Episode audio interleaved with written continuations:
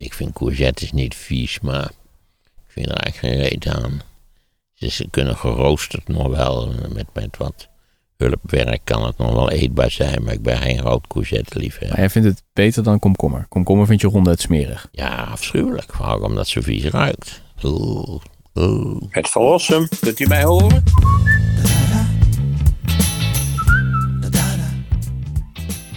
Er zijn nog steeds mensen die eh, podcast voor het eerst ontdekken. Ja, dat is opvallend, hè? Eh, Met zo ontzettend veel aanbod denk je dat iedereen inmiddels wel podcast luistert, maar niets is minder waar. Als je deze podcast voor het eerst luistert, welkom. Welkom bij Maarten van Rossum, de podcast. Abonneer je eventjes op deze podcast, dat is heel handig, want eh, dan krijg je nieuwe afleveringen als allereerste te horen en ook vanzelf in je feed te zien. Druk even op abonneren of op volgen en dan druppelen ze helemaal vanzelf binnen op je smartphone. Wat is het onderwerp vandaag? Het onderwerp vandaag is de Urban Jungle. Een, een zonderling, maar een, ook zowel een deprimerend als een zeer opwekkend boek. Omdat het eigenlijk helemaal hangt aan een zonderlinge paradox. Die, die we eigenlijk totaal niet aan hebben zien komen. Althans, naar mijn gevoel niet aan hebben zien komen. En dat is de paradox dat, dat eigenlijk eh, het, het betreurenswaardige is hoeveel hoeveel schitterende natuurgebieden verwoest zijn door, door de snel groeiende mensheid eh, op deze planeet. Vooral als het gaat om, om zeer omvangrijke stedelijke gebieden natuurlijk, waarvoor alles plat gaat en rivieren worden ondergronds gaan of helemaal omgedraaid worden of wat ze voor gekke dingen daar ook mee doen. Eh, eh, de, de bestaande dierenwereld vaak wordt uitgeroeid. Eh, Kortom, eh, het, het is niets dan verwoesting wat de klok slaat eh, in die stedelijke gebieden. En dat is ook wel heel aardig. In dit boek, in, in, die, in dat boek Urban Jungle, dat is geschreven trouwens door meneer Wilson. eh, dat, die, dat de beschrijving van wat er gebeurt in het gebied waar Los Angeles tot ontwikkeling is gekomen. Hè. Los Angeles is ook zo'n typische Amerikaanse staat die ook groeit als een soort schimmel. Het is, je kunt eigenlijk nauwelijks van een uitgesproken centrum spreken, maar de, de, de stad groeit, nietwaar, over een gigantisch gebied in totaal. Waarbij echt alles op de schop gaat. Letterlijk op de schop gaat. En figuurlijk op de schop gaat. En als je het leest, die beschrijving van wat er allemaal verdwijnt. En wat voor een fijne ecologie er naar de bliksem wordt geholpen. En eh, over die Los Angeles River, wat niet veel meer is dan de Rijnkemse Beek tegenwoordig. Die een soort van betonnen goot loopt en zo. We er allemaal wel weer spijt van hebben. Nou, als je dat dan hebt, de tranen staan in je ogen, bij wijze van spreken. En dan als je ietsje doorbladert, dan komt de paradox van dit boek. Namelijk, dan beschrijft Wilson hoe, wat nu de ecologische structuur van Los Angeles is. En dan kun je niet anders zeggen dan dat eigenlijk nu de ecologische structuur van de stad Los Angeles in allerlei opzichten veel interessanter is, veel aantrekkelijker is, veel groener is, veel vochtiger is, een veel grotere diversiteit aan dieren vertoont, als dat die fantastische ecologische situatie die verwoest is door de bouw van Los Angeles. En daar zit, dat is de kern eigenlijk van het hele boek. Dat die steden natuurlijk, zeker in hun initiële ontwikkeling, niets dan narigheid en verwoesting met zich meebrengen. Je begrijpt ook wel waarom. Denk ook een beetje aan die 19e eeuwse steden, die vaak ook wel heel verschrikkelijk waren. Maar dat die steden nu eigenlijk, tot onze stomme verwondering in allerlei opzichten, want dat is wat die bedoelt met urban jungle, dat die steden eigenlijk een soort gigantische natuurmonumenten zijn geworden. Een soort, een soort gigantische onbedoelde dierenpark. Ik weet niet precies hoe je het het beste zou kunnen beschrijven. En dat in de hele tweede helft van het boek wordt in beslag genomen door een beschrijving van die zonderlinge paradox. Dat die steden van alles verwoesten. Gruwelijke manier echt de wetlands die volgebouwd worden. Overal worden ook precies dezelfde fouten gemaakt. Dus in, in drassige gebieden wordt enorm gebouwd. En dan blijkt het toch na, eh, wat is het, 50 jaar, 100 jaar, dat dat niet verstandig geweest is. En dat er allerlei structurele problemen blijven, aanwezig blijven vanwege die drassigheid. Nou ja, denk aan Nederland. Je kunt ook aan Jakarta denken of, of Bangkok. Allemaal landen die, of grote steden die, waar het echt heel, heel droevig mee gesteld is. Op de middellange, op de middellange termijn. Hè, de Indonesiërs bouwen een hele nieuwe hoofdstad, uh, notabene op uh, Borneo. Kalimantan tegenwoordig geheten, ja dat moet je ook allemaal maar weten. Borneo is Kalimantan tegenwoordig. Uh, maar die steden zijn, ja, hoe je het ook beziet, zijn die steden wonderen van, van, van natuurlijke diversiteit. Vaak een veel grotere diversiteit dan er was voordat het, voordat het, voordat het steden waren. En dat ligt deels aan het feit dat die steden ook vol zitten met zogenaamde exoten. Dat we zeggen dieren die eh, van heinde en ver uit de wereld aangevoerd zijn. Eerst parkvogels zijn geworden, daarna losgebroken enzovoort enzovoort. Maar nog veel amusanter zijn natuurlijk de verhalen over de dieren die erachter zijn gekomen. Dat het vaak ook wel opportunistische en intelligente dieren zijn. Dat je in zo'n stad een stuk beter aan de kost komt dan op het platteland. En dat er in de stad beduidend minder op je geschoten wordt dan op het platteland. En dat er in de stad uh, heel wat minder insecticiden, uh, gewasbestrijding enzovoort voorkomt dan op het platteland. Want dat is natuurlijk een beetje de keerzijde van dit verhaal. Dat het platteland is deels ten prooi gevallen aan een sterk geïndustrialiseerde landbouw die op grote schaal afhankelijk is van kunstmest en, en, en vergif.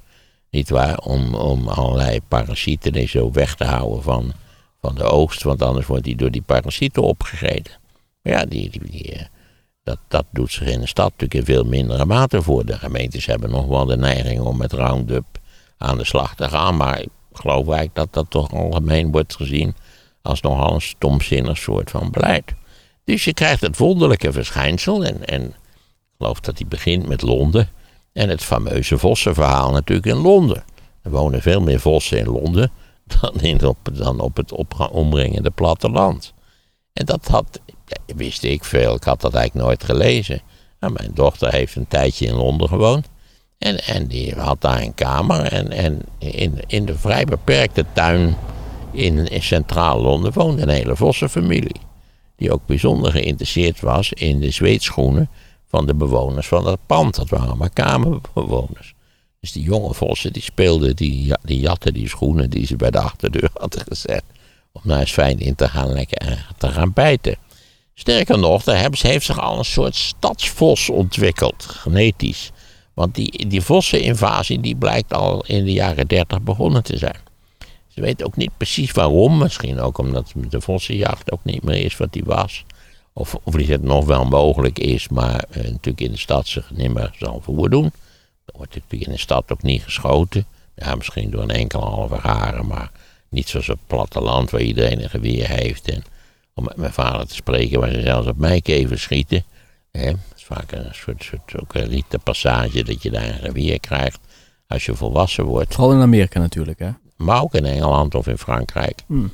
Ja, die, mijn, het citaat van mijn vader, ze schieten hier zelfs op mijkevers, dat uh, is naar aanleiding van Frankrijk. Ja, daar wordt ook op alles gepaft. Uh, waar waren we gebleven? Uh, ja, die, bij, bij die vossen, ja, dat was ook een verhaal dat door de myxomatose natuurlijk de konijnenstand enorm uitgedund is. Met als gevolg dat die vossen dachten, op, we trekken naar de stad.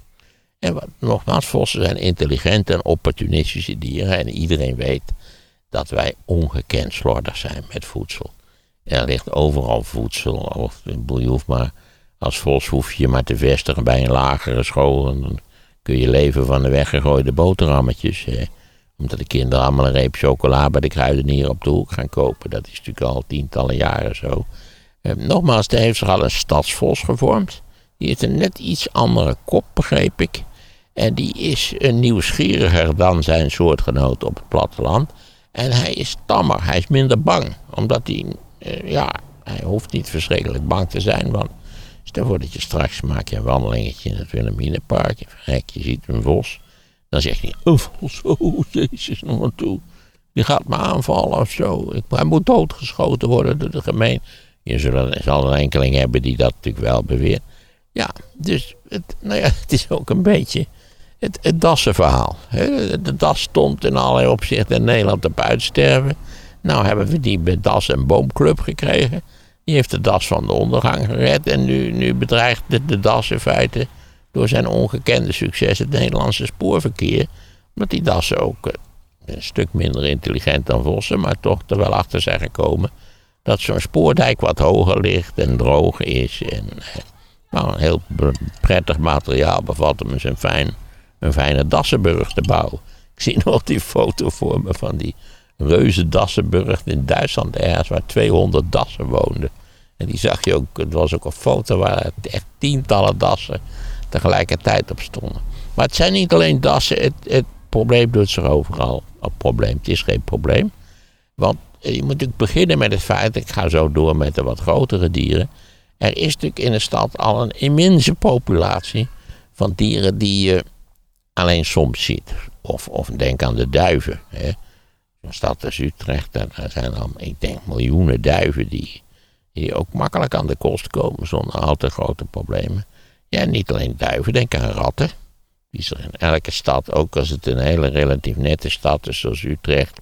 Als je ratten wil zien, ga s'avonds in de schemering langs de singels wandelen. Maar als de singelloop is afgelopen, dan komen de ratten tevoorschijn. Die schrikken zo nu de, kloten van de singelloop. Maar komen de ratten tevoorschijn. Die kun je daar maar rustig op en neer zien lopen. Ik denk ook bij de Rembrandtkade eerlijk gezegd. En dan nog, eh, laten we zeggen, de insectenpopulatie. De vlinderpopulatie, die, dat is meestal niks in de stad. Maar mieren doen het in principe heel goed in de stad. Uh, in New York is het een bekend voorbeeld dat in, de, in, in Park Avenue heb je een middenberm. En, daar bleken eigenlijk zes verschillende mierensoorten te wonen. Wat op zichzelf wel interessant is natuurlijk. En zes soorten bleken afkomstig uit Europa. En zes soorten waren typisch Amerikaanse mieren. Waar je ziet dat kloppen immigranten, waren een deel van de mierenpopulatie was geëmigreerd. Geïmmigreerd. En een gedeelte van de mierenpopulatie was al daar. Die had het eigenlijk beter gedaan dan de oorspronkelijke native population van de, van de Verenigde Staten. Uh, en dat geldt eigenlijk, hetzelfde geldt voor. Nou ja, ik kan iedereen aanbevelen, ook in Nederland, als u een tuintje heeft, hoe klein ook, en er liggen van die stoeptegels. Til eens zo'n tegel op en kijk wat eronder zit. Er zijn in Nederland ook alleen al 31 verschillende soorten pissenbedden. Er is een gigantische populatie van dieren die het, eh, waarvoor de stad een prima habitat is, om het maar even zo te noemen. Maar ook grotere dieren die komen in toenemende mate naar de stad. Ik herinner me nog, niet zo lang geleden, denk een jaar of vier, vijf geleden, dat er voor het eerst een coyote was gesignaleerd in het Central Park. En nou, als je een beetje weet hoe Central Park ligt, op, op, hè, in het hart van Manhattan, en had iemand had uitgevogeld hoe die coyote daar gekomen was. Nou, dat was dat je echt denkt van hallo, zo'n coyote had er 17 bruggen gepasseerd, eh, zes tunnels, eh, was meerdere malen het spoor overgestoken. Nou, dat je echt denkt, eh, dit is wel een... Eh, ja, ze rijden hier weer vlot door de straat in ieder geval. Waarschijnlijk ook op weg naar het evenement. Uh, ja, dus overal zie je deze invasie. Coyotes zijn natuurlijk goed te vergelijken met vossen. Dat zijn intelligente en opportunistische dieren. Dus op de duur zal. Overigens, die allereerste coyote ging vrij snel dood. Die was kennelijk toch een beetje, beetje verzenuwd geraakt door zijn avontuurlijke reis. Maar tenslotte denk ik dat coyotes een vrij normaal verschijnsel zullen worden in alle Amerikaanse steden. Zodra ook mensen zeggen van ja, die hoef je niet allemaal dood te schieten. Ze zijn eigenlijk in principe niet gevaarlijk. Ze zijn vaak veel banger voor ons dan wij voor hen. Maar je hebt ook natuurlijk in Amerikaanse suburbia de bekende verhalen over zwarte beren. Die als ze honger hebben in het bos, dan komen ze naar suburbia. Omdat daar vaak ook weer eh, overal uh, voedsel rondslingert. Wat ze graag komen opeten. En je denkt aan de wilde zwijnen. Een plaag in Berlijn. En kun je, als je s'avonds een beetje oplet, kun je daar zo die wilde zwijnen, die bovendien alles opvroeten, alle grasvelden en, en, perken en zo. Er moet wel bijgezegd worden, dat, dat deed me natuurlijk wel een klein beetje pijn, dat kijkers, eh, tuinen en eh, eh, parken zijn voor de, voor de ecologische rijkdom eh, eigenlijk betrekkelijk waardeloos. Eh, parken zijn veel te netjes, er zijn veel te veel grote grasvlakten grote uh, hoe heet het, uh, gazons, dat, dat is voor de natuur is dat niet veel zaaks. Het boek is ook in allerlei opzichten een pleidooi. Laat eens wat rommel ontstaan in de stad. Hè. Hoe komt het dat het niet interessant is? Wat? Hoe komt het dat het niet interessant is, die grote vlaktes? Omdat het eh, voor, voor dieren niet zo bijster interessant is. Hè, wat je bijvoorbeeld moet doen, stel voor dat er, er is een ruïne ergens. Laat die ruïne eens een tijdje liggen. Dan zul je zien dat na twee of drie jaar is het een bloemenpracht. En dan vind je er al rare insecten. Kortom, eh, hij, hij zegt van ja, je moet natuurlijk werken aan natuurherstel. Natuurlijk, dat spreekt voor zich. Maar eigenlijk, en daar gaat het boek in allerlei opzichten over. In die zin is het uiteindelijk een heel optimistisch boek herstelt de natuur zichzelf op een spectaculaire manier. Veel sneller dan je altijd denkt. Hè. Nou ja, denk aan die, aan die wilde zwijnen. Die wilde zwijnen in Berlijn zijn een lange plaag geworden. De wilde zwijnen in Texas, dat is een gigantische plaag geworden. Een hele wilde, wilde, woeste wilde zwijnen, zal ik maar zeggen. Ook wilde zwijnen zijn eh kiederdieren die bovendien zich voorplanten met heb je wel eens gezien toch zo'n wild zwijnmoeder met, met, weet ik het, 15 van die, van die aandoenlijke gestreepte biggetjes erachteraan. Of ik heb dat verhaal al verteld van die twee keilers, zoals dat heet, die die, die, die wolf eh, eh, aanvallen. Die wolf die zich werkelijk ongeanstrengt. Ook wolven zijn een typisch voorbeeld van dit fenomeen.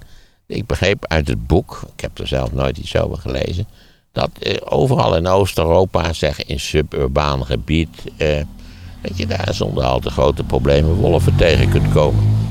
Nou ja, je kunt natuurlijk in Nederland- tegenwoordig ook wolven tegenkomen. En je kunt je afvragen hoe succesvol de wolf het zal doen op de Utrechtse Heuvelrug. Daar, daar zie ik in feite voor En de wilde wolf- zwijn ook, als je het bos in gaat. ja, wel, de wilde zwijnen redden het ook prima overal in Nederland in, in bosrijk gebied. Sterker nog, ontwikkelen ze vaak al heel snel tot een soort plaag. En dan worden ze toch beschoten. In, En zijn gevaarlijk ook wel, hè? Moet je niet zomaar benaderen. Ja, nee, zeker als ze jongen hebben zijn ze gevaarlijk. Zeker, ja. Nee, ik heb vaak genoeg op de wandeling van mijn opa als we ze dan hoorden. En dat was zo'n varenbos waar ze woonden. En eh, ja, dit was in de steeg. Daarboven boven de steeg. En dan zorgden we altijd wel dat we uit de buurt bleven. Want je hoort ze geweldig. Precies. Ook mensen met honden, hè? Die moet je, moet je ook oppassen. Ze knorren wat af. Ja, ze zijn absoluut niet bang voor honden. Daar Nee. moet je wel rekening mee houden. Nee, dus ze gaan gewoon, nou ja, denk aan die wolf. Ze gaan gewoon in de aanval. Nou, dit is een fenomeen wat je op tal van plaatsen ziet. Namelijk dat de dierenwereld, dat die eigenlijk eh, terugkomt naar de stad. Er is ook een verhaal over Brisbane, waar de koala's, dat schijnen hele schuwe dieren te zijn. En je weet, die koala's, dat zijn van die ongelooflijk slome duikelaars. Die in die bomen leven van die eucalyptusbladeren. Maar dus ook de koala's hebben Brisbane ontdekt als een, als een hele nuttige eh, plek om, om te gaan wonen.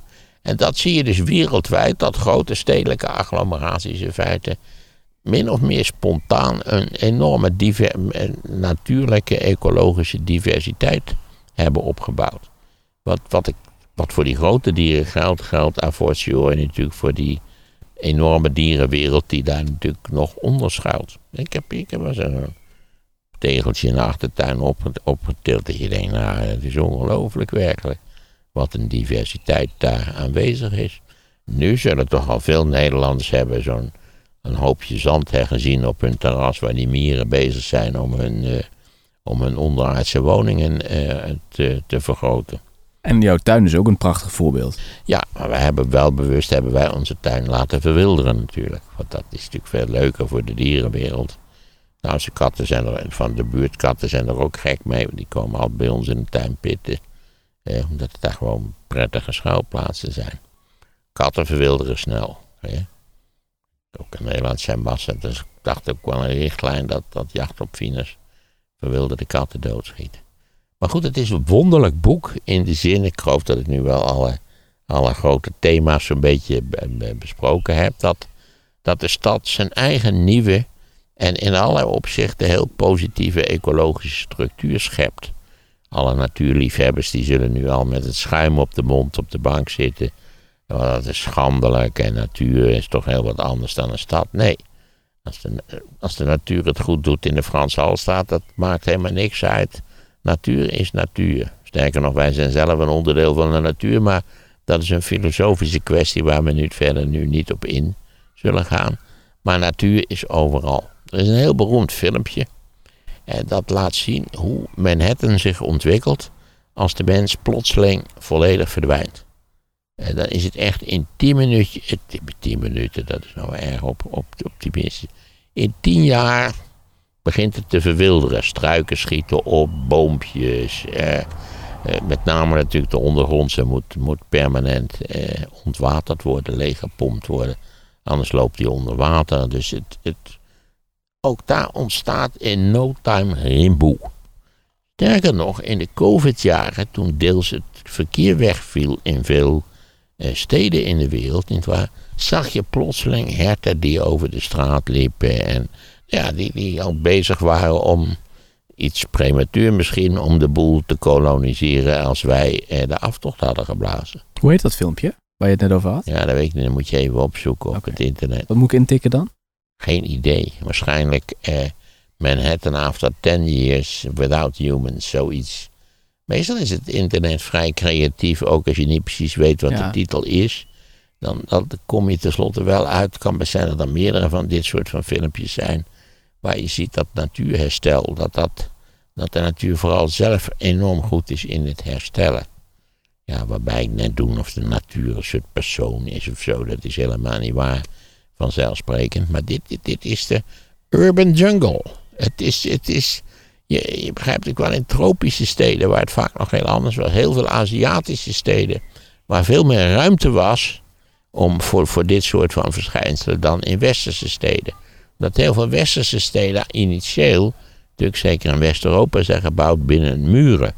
En dat betekent dat het heel compacte steden zijn waar relatief weinig ruimte is voor, parken en gazons of voor, voor grote boompartijen.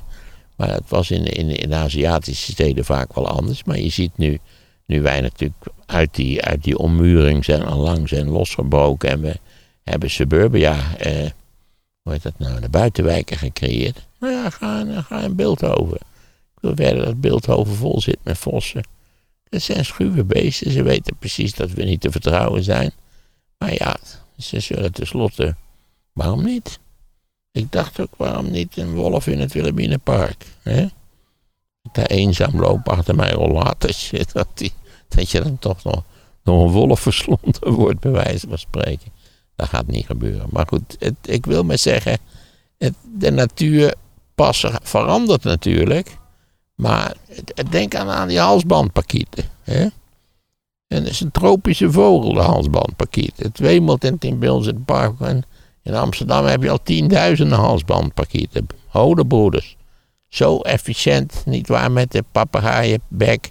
Dat ze, dat ze hele gaten slaan in, in nieuwbouwwoningen om, om een hol te vormen. Ja, dus het is in dat opzicht is het een geweldig boek eigenlijk. En een opgewekt boek. En opgewekt. Positief boek, ja. Ja, Ik vind het mooi om te horen dat dus, dat als je zegt van dat steden hebben voor meer diversiteit eh, gezorgd van ja, de natuur. in Los Angeles, Ja. zoek het citaat op. In Los Angeles is de, is de ecologische diversiteit veel groter dan die was voordat Los Angeles bestond. Maar het ligt natuurlijk ook aan de, aan de exoten die wij importeren, vaak tientallen. Want die beginnen in parken, zijn, en neem maar rhododendrons, ik noem maar een exoot op.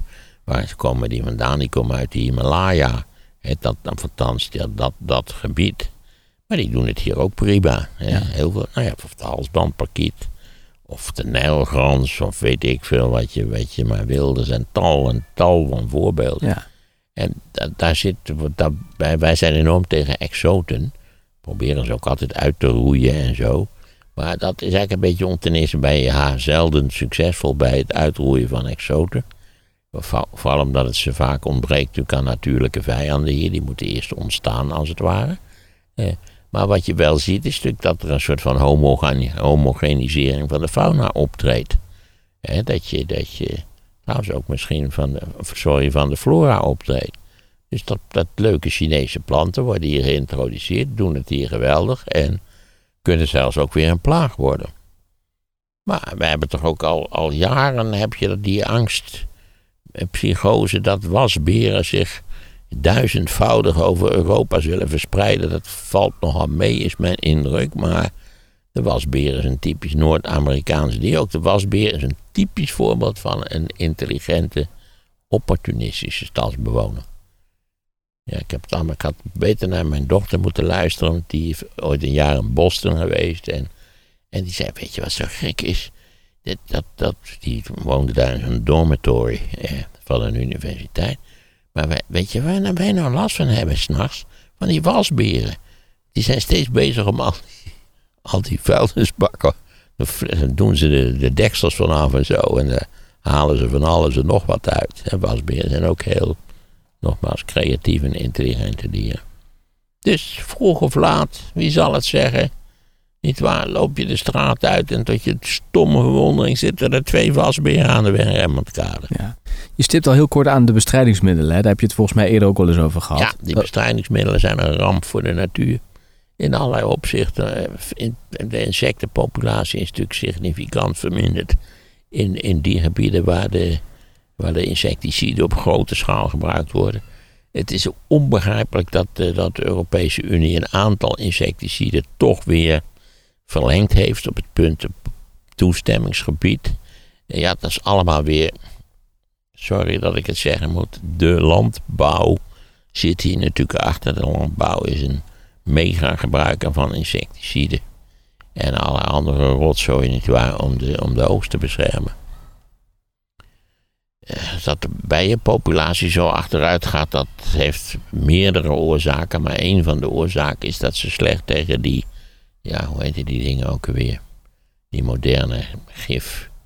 Nou ja, op veel gebieden in West-Europa, waar, waar er sprake is van intensieve landbouw, daar is bijvoorbeeld de insectenpopulatie met de helft of meer afgenomen. Dat is een heel, heel slecht signaal als dat zo is. Daar moet je echt proberen.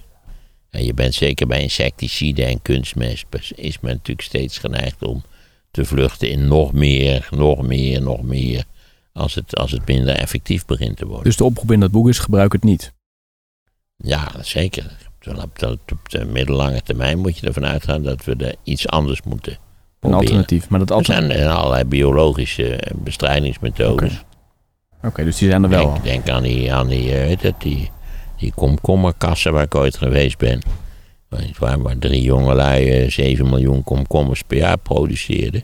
En daar was een biologische bestrijdingsmethode. Dat waren zakjes met, met uh, hoe heet dat nou, uh, uh, eitjes van de, van de sluipwesp. En die sluipwesplarven die komen tevoorschijn en die worden, de, de sluipwespmoeder legt de eitjes in de rupsen van andere insecten. En dan te bedenken dat jij komkommers helemaal niet lekker vindt. Ja, dus wat mij betreft hadden ze al die klote dingen op mogen eten, die insecten. Maar dat was. Ik vroeg naar waar gaan die dingen naartoe? Weet je, waar al die komkommers van ons naartoe gingen naar Frankrijk, notabene. Die worden ze waarschijnlijk daar op, op zo'n zo'n boerenmarkt verkocht alsof ze ter plekke gegroeid zijn. Vind jij courgette dan ook vies? Want dat is natuurlijk een afgeleide van uh, komkommer. Ik vind courgettes niet vies, maar ik vind er eigenlijk geen reet aan. Ze kunnen geroosterd nog wel met, met wat hulpwerk kan het nog wel eetbaar zijn, maar ik ben geen rood courgette liefhebber. Maar jij vindt het beter dan komkommer? Komkommer vind je ronduit smerig? Ja, afschuwelijk. Vooral omdat ze vies ruikt. Oeh, oeh. Dus als dat op een broodje zit bij de slimste in de kantine, dan gooi je dat er tussenuit?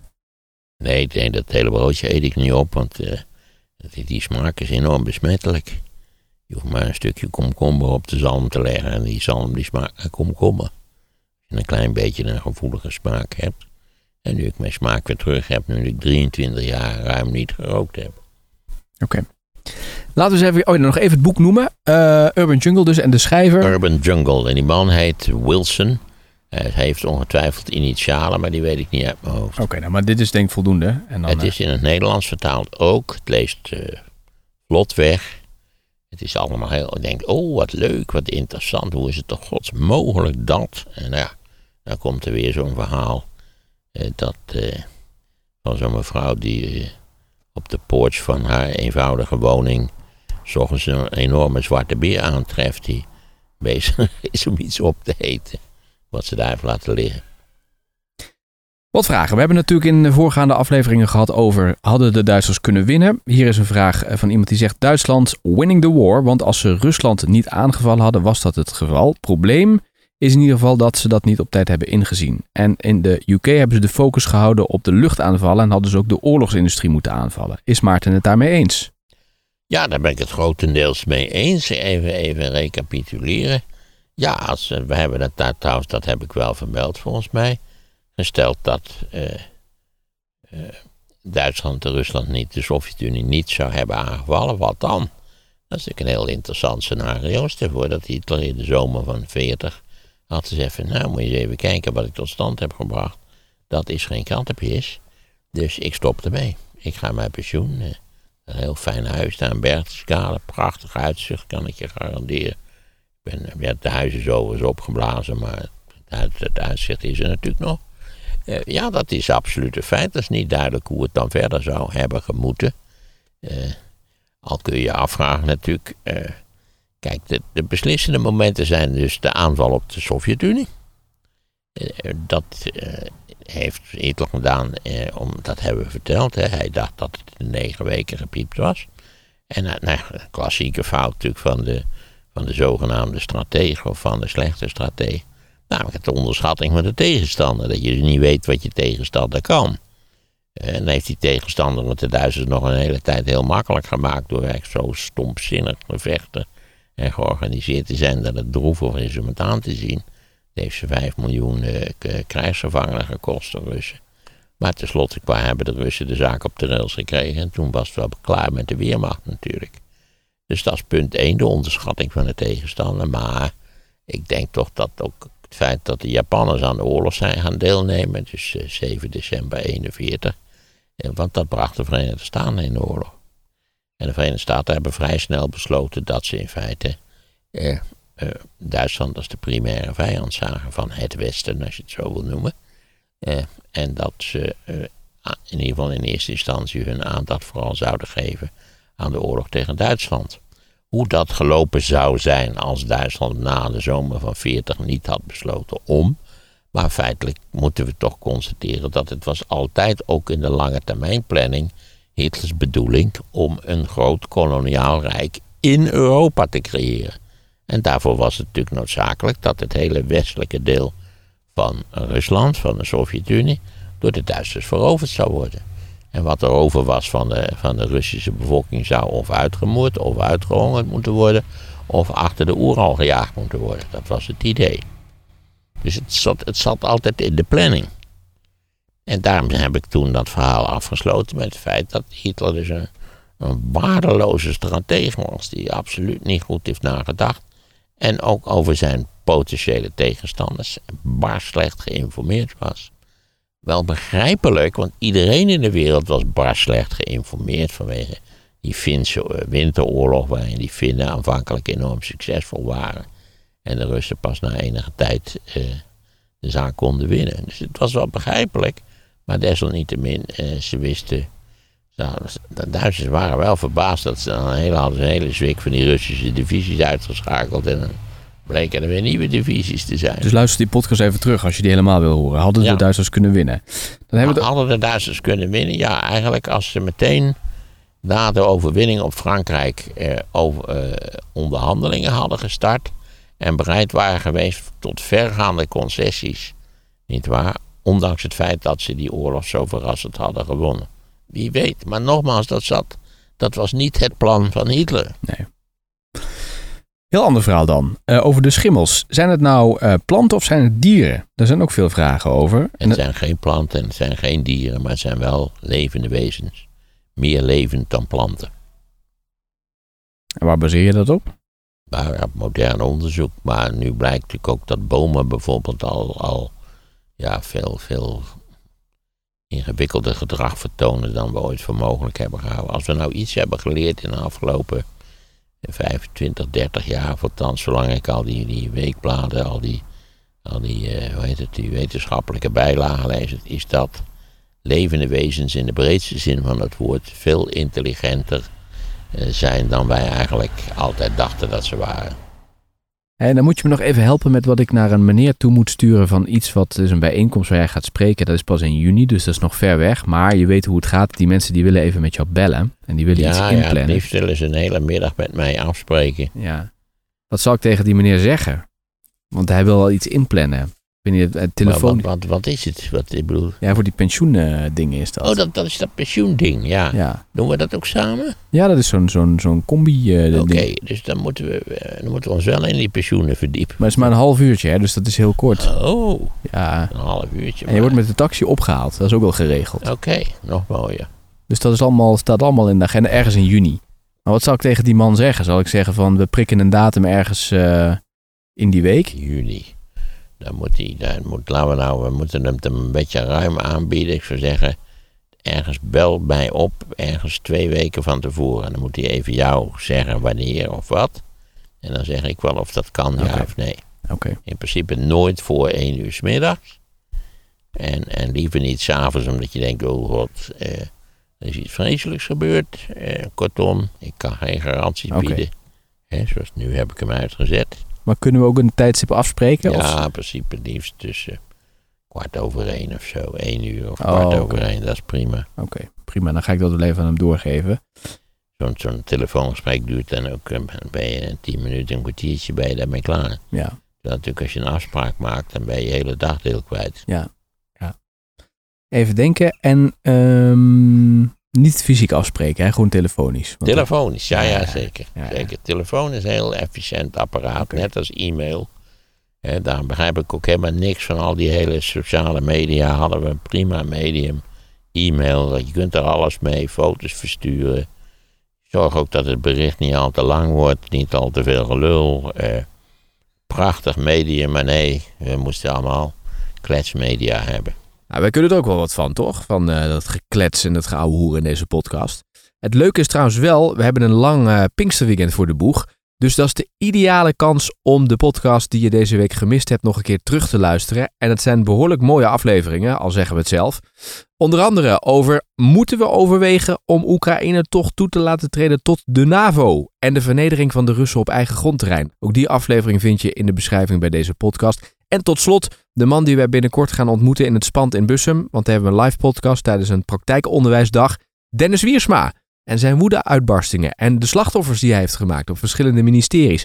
Ook die aflevering luister je nu terug in dat lange, lekkere Pinksterweekend via de link in de show notes. Alle natuurliefhebbers die zullen nu al met het schuim op de mond op de bank zitten. En mocht je er helemaal geen genoeg van krijgen, luister dan nu naar het luisterboek van eh, Maarten van Rossum over de geschiedenis van Rusland. En leer meer over de motieven van Poetin om Oekraïne aan te vallen. Dat luisterboek staat nu voor je klaar in de show notes.